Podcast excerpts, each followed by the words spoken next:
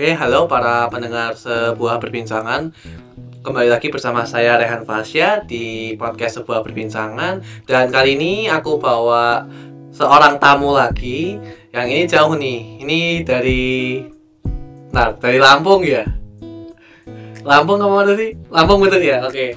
Ini tamu dari Lampung. Dia kakak kelasku di HI UPN. And please welcome to the podcast Karmansyah Syukur. Hai kakak. Yeay, hai Raihan, Masya Allah. Anyway, aku What's up, belum mulai podcast tadi aku nggak hafalin namamu loh. Soalnya aku selalu salah nyebut namamu. Aku selalu manggil kamu Farhan. I don't know who the, who the hell is Farhan. Gak ada Farhan, aku Rehan. Rehan Fasya. Bahkan Fasya Makanya aku sekarang. tuh tadi tuh oke. Aku tadi bilang oke oke jangan sampai salah panggil nama, jangan sampai salah panggil nama. I don't know why kenapa di kepalaku selalu Farhan. Is Farhan? Gak ada loh, gak ada Farhan tuh. Aku aku Rehan kan teman-teman. Aku tapi btw juga baru tahu namanya kakak yang bener tuh di sini nih Karmansyah Syukur baru kelihatan nih. Selama ini kan taunya Maman Maman doang kan. Gak tahu namanya ternyata Karmansyah Iya, Syukur baru ini- lihat ini. Oke. Sebenarnya Karmansyah Putra Syukur sih, cuman Karmansyah Syukur okay. Oke, ya udahlah itulah ya. Apa kabar kak? Oke, uh, aku bersyukur dalam keadaan yang baik, bahagia, walaupun ini aku lagi self quarantine hari ke-10, bener-bener di rumah tinggal sendiri. Sebenarnya Oh, di rumah oh iya? kan ada mamaku kan, cuman Ah, karena mamaku itu orangnya touchy banget, dia nggak tahan kalau nggak meluk, kalau nggak megang-megang rambut gitu-gitu. Jadi mending uh, mamaku uh, pindah ke rumah yang lain dulu, biar selama self quarantine aku sendiri di sini kayak gitu. berarti bener-bener literally sendirian nih 10 ha- berapa dari berapa 10? Wih, gila juga sih. Ini hari ke-10. Waduh, itu gabut banget gak tuh sendirian? Bosen banget gak tuh? Nah, eh, ya itu dia sih. Apa? Aku beruntungnya aku selama self quarantine ini benar-benar nggak mau yang gabut karena kan kamu tahu kan aku seorang ekstrovert Iya, 97% kan hidup ekstrovert jadi aku tuh benar-benar yang eh, aku nggak mau gara-gara self quarantine aku sendiri aku gabut terus aku kayak nanti bisa-bisa aku anxiety gitu loh jadi aku Yeah. nggak mau aku gila atau kayak gimana jadi aku benar-benar nyari kegiatan dan dan aku bersyukur juga kan eh, ini juga relate yang akan kita omongin nanti aku kan diajarin sama mama itu untuk kalau ada waktu luang tuh lakuin sesuatu yang bermanfaat even kalau itu cuman misalnya eh, apa ya nonton video di YouTube atau apa jadi itu tuh udah ngelotok di otak aku jadi nggak bisa waktu senggang dikit nyari kerjaan senggang dikit nyari kerjaan gitu jadi sejauh ini aku untuk eh, menghindari anxiety karena aku self quarantine dan sendiri di rumah aku eh, mencoba untuk gardening karena kan Oke. aku seorang dendrophile juga asik dendrophile asik. ya aku tuh seorang dendrophile gitu loh. Jadi kayak someone who is into nature gitu. Jadi aku suka banget. Jadi aku eh, seneng banget juga balik ke Lampung kebetulan di belakang rumah itu hutan. Bukan hutan yang seperti kalian bayangin sih. Maksudnya kayak ada pepohonan gitu. Oke. Jadi aku lagi ada hobi baru berkebun. Iya. aku nanam bunga nanam sayuran terus aku juga eh apa ya kayak nyari-nyari bibit-bibit baru gitu. Aku kemarin eh, nyoba-nyoba beli bibit di eh boleh nyebut merek nggak sih Boleh, boleh, boleh. Boleh, boleh. kemarin beli nyoba-nyoba beli bibit di Shopee gitu kan Hmm. tapi belum nyampe kayak dia paket bibit sayuran gitu terus untuk menghindari bosan aku juga baru tadi pagi nyelesain eh, baca buku dari Wattpad kamu tahu Wattpad nggak Tahu, tahu. Kayak itu ya, apa platform buat baca tulisan gitu kan. Aku tadi sih mas sebatas itu Iya. doang sih ya. Eh, aku udah aku udah eh, nyelesain satu buku eh, bahasa Inggris gitu dan itu really good banget. Ada 50 chapter dan karena aku udah lama banget gak baca kamu tahu lah kan sekarang kan semester tua kan udah lama banget gak berhubungan dengan buku-buku HI yang berbahasa Inggris jadi aku agak udah lama banget gak baca-baca buku bahasa Inggris dan eh, aku mulai kayak sekitar seminggu yang lalu baca bukunya 50 chapter baru selesai banget tadi subuh selesai eh, salah waktu aku Oh. baca aku habisin dan itu ceritanya bagus banget Buku apa tuh? itu Buku apa tuh? what about you anyway aku juga mau apresiasi dulu nih buat uh, uh, Raihan. Itu dikit lagi tuh, itu dikit lagi tuh. aku mau apresiasi dulu buat Raihan uh, karena you are doing amazing. Kayak uh, aku tuh sebenarnya dari kemarin tuh kan aku orangnya juga sama ya kayak kita satu tipe lah. Uh, aku tuh kayak Iya. pengen ngomong, aku tuh I have so many things in my mind yang aku tuh pengen share ke orang. Tapi uh, sometimes aku kan biasanya kalau sharing itu ya kalau nggak diundang untuk jadi pembicara, kalau nggak pas aku nge-MC, kalau nggak pas uh, ada orang-orang coaching-coaching kayak gitu kan.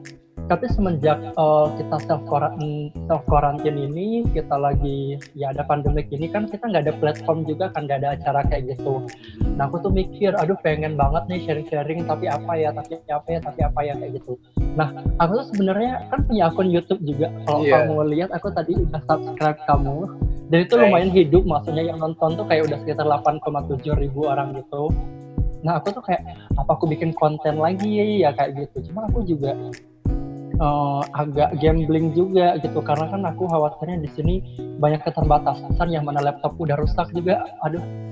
Tapi ya itu tadi sih aku mau aku mau apresiasi karena kamu udah berani banget bikin platform kayak YouTube dan Thank uh, you. podcast kayak gini dan itu keren banget.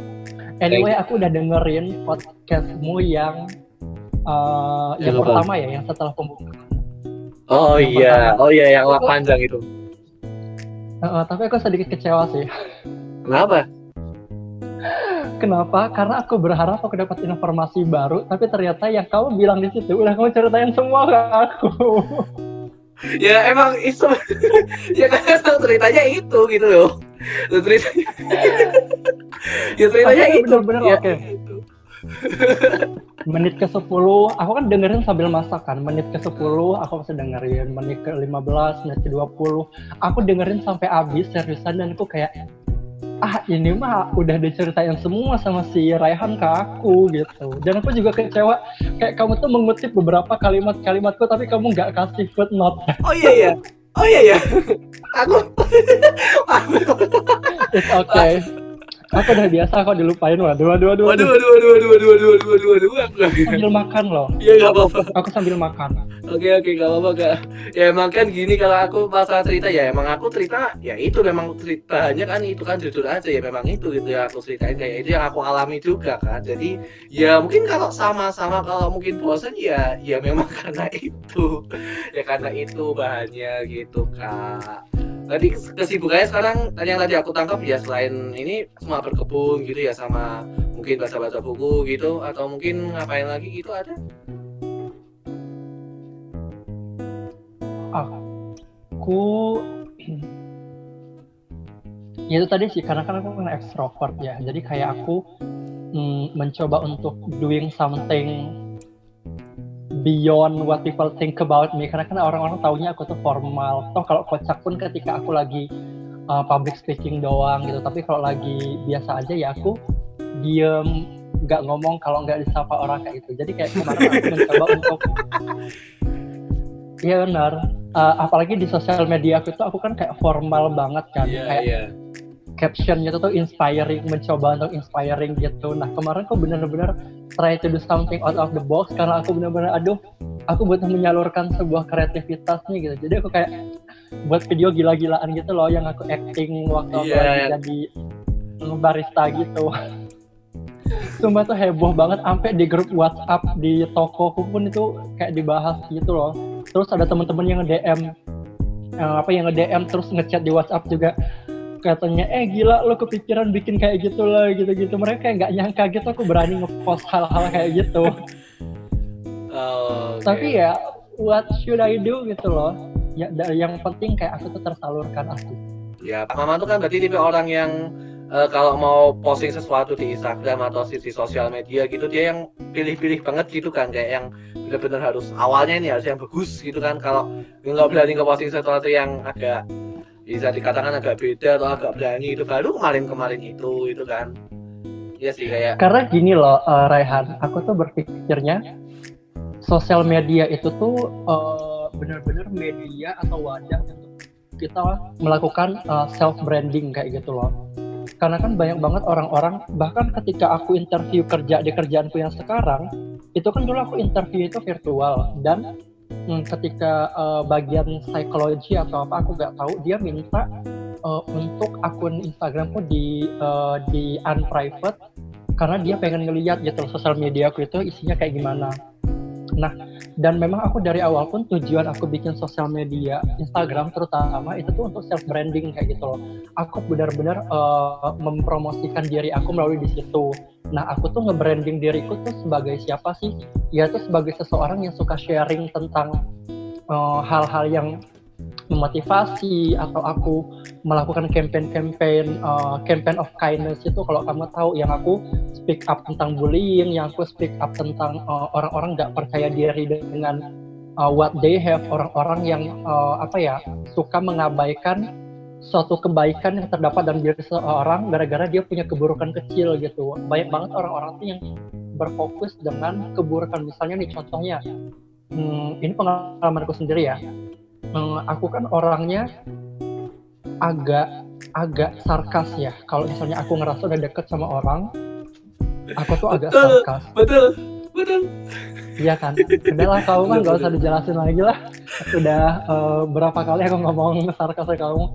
Cuman uh, apa ya beberapa orang yang ngedenger sekilas, misalnya nih aku lagi ngobrol sama kamu terus aku sarkas, terus ada orang lewat, orang tuh ngedenger aku bagian sarkasnya doang gitu loh. Nah, jadi orang tuh kayak mengabaikan segala kebaikanku terus nge-labelin aku sebagai ah itu maman mah sarkas ngomong kayak gitu kan. Jadi aku tuh kayak uh, stop apa ya berfokus terhadap keburukan orang gitu loh. Kalau kita berfokus pada keburukan uh, kamu yang ngejudge orang pun juga punya keburukan gitu loh. Jadi kayak kalau kita uh, berfokus pada keburukan aja dan mengabaikan semua kebaikan-kebaikan yang orang miliki, maksudnya nggak akan ada apa ya istilahnya tuh kedamaian dalam kehidupan sosial kita gitu loh. Karena setiap orang punya pemikiran negatif terhadap sama gitu. Sedangkan manusia nggak ada yang sempurna gitu. Nah itu adalah salah satu campaign yang aku lumayan uh, lumayan concern juga gitu loh. Jadi kayak biar orang-orang itu percaya diri juga. Karena labeling itu tuh lebih bahaya juga. Maksudnya sama bahayanya dengan bullying gitu loh. Ketika orang udah bilang ah maman mah sarkas. Terus banyak orang yang ngomong itu tuh bisa masuk ke dalam diri aku dan apa ya uh, otakku menghipnotis diriku bahwa maman kamu itu sarkas maman kamu itu sarkas akhirnya ya udah naturally nanti aku jadi sarkas terus karena aku ikut menghipnotis oh, diriku bahwa aku adalah sarkas. Oh, oh kayak gitu. Jadi kayak aku speak up tentang itu juga. Jadi biar orang-orang tuh ngelihat sosial media aku oh ternyata dia ini anaknya lumayan concern ya dengan uh, isu-isu sosial dan dia berani berbicara kayak gitu.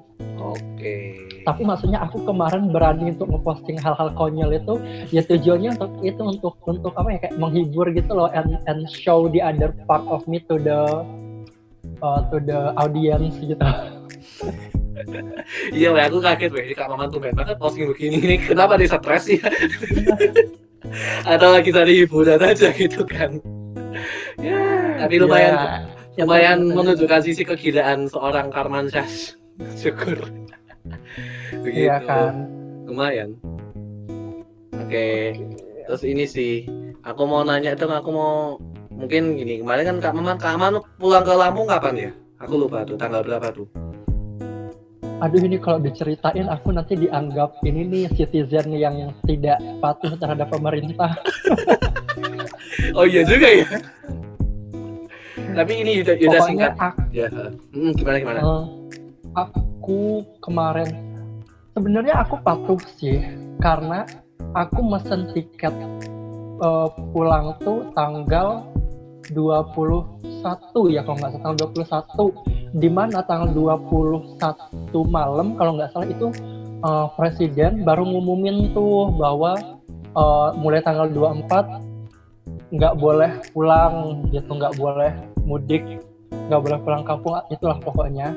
Sedangkan kan aku mesen tiketnya tanggal 21 untuk penerbangan tanggal 24 dan ya aku mikirnya this is not my fault gitu ya memang, memang bukan bukan. Bukan kalau dari iya, cerita ya. itu bukan gitu loh ya kadang gini loh.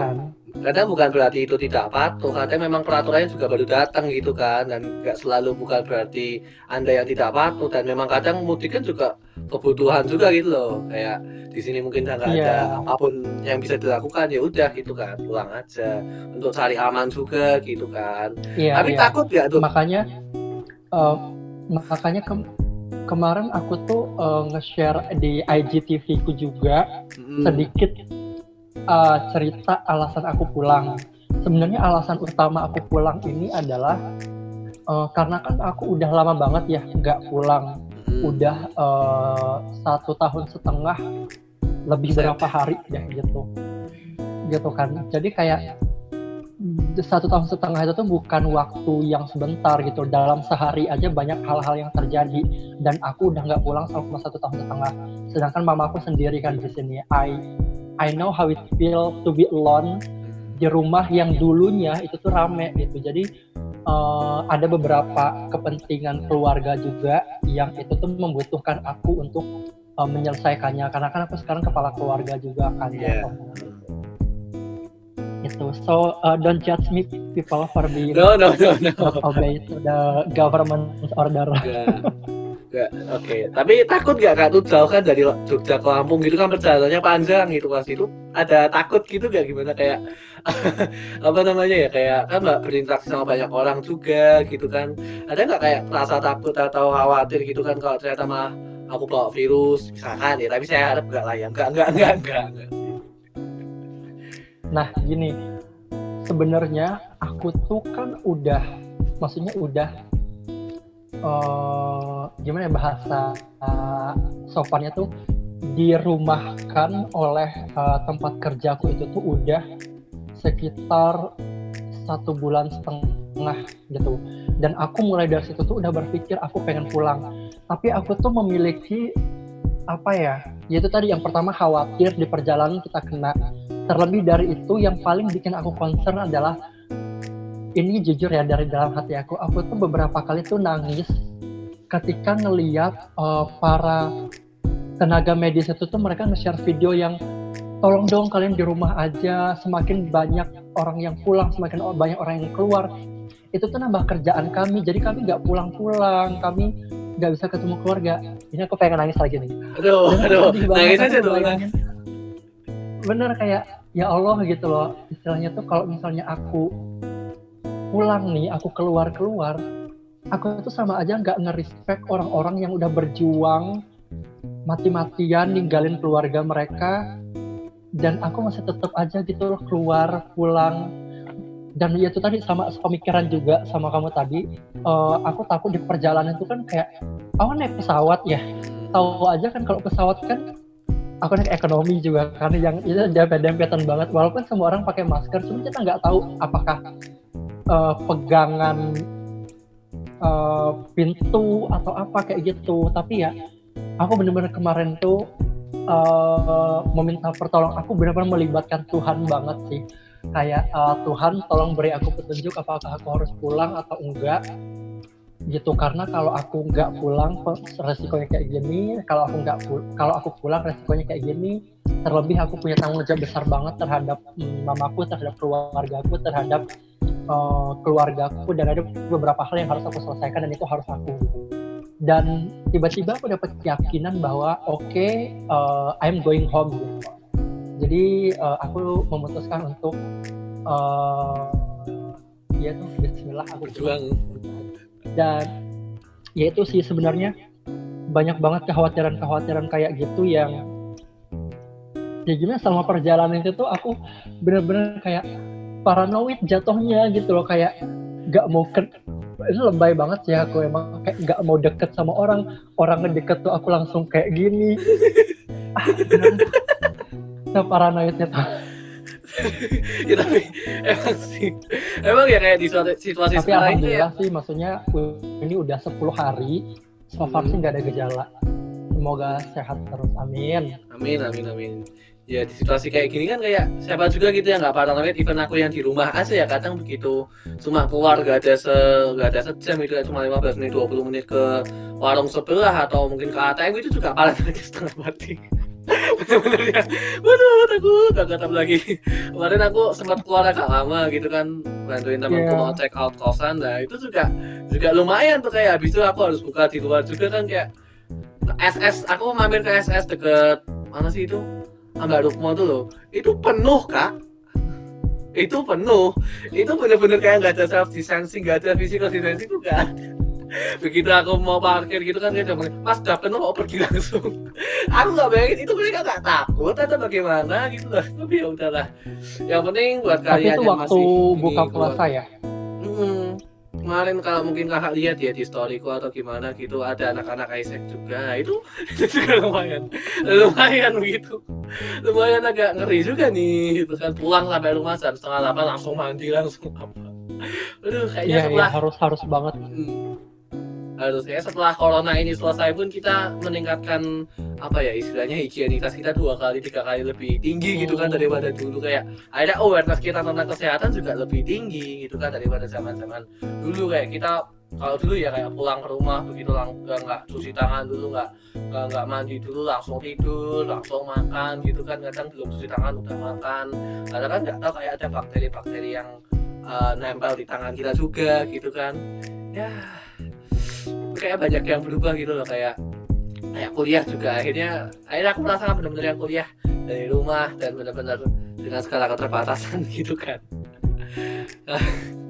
Iya Kalau- sih. Ya mungkin kalau misalnya kita mau berpikir positif, dampak baiknya adalah itu sih. Banyak banget orang orang-orang yang apa ya uh, lebih aware dan lebih concern terhadap uh, apa ya higienis gitu loh. Mereka untuk selalu jaga kebersihan, cuci tangan, terutama itu. itu SGD nomor berapa tuh? Itu SGD nomor berapa tuh kak? Inget gak Apa? itu SGD nomor berapa tuh? Aduh, aku udah lama banget yang ngomongin SGD kamu mah sustainable development goals aku aku juga yang aku juga nggak terlalu inget sih btw wah bahaya. Itu apa ya yang di set. Aduh aduh aku lupa. Apa? Apa mau ngomong apa? Aku lupa serius. Ya udah, nggak aku lupa. Aku tadi kayak mau nyoba nebak-nebak gitu SDGs nomor berapa. Pokoknya tentang kesehatan gimana gitu aku ya? lupa. Ya. Oke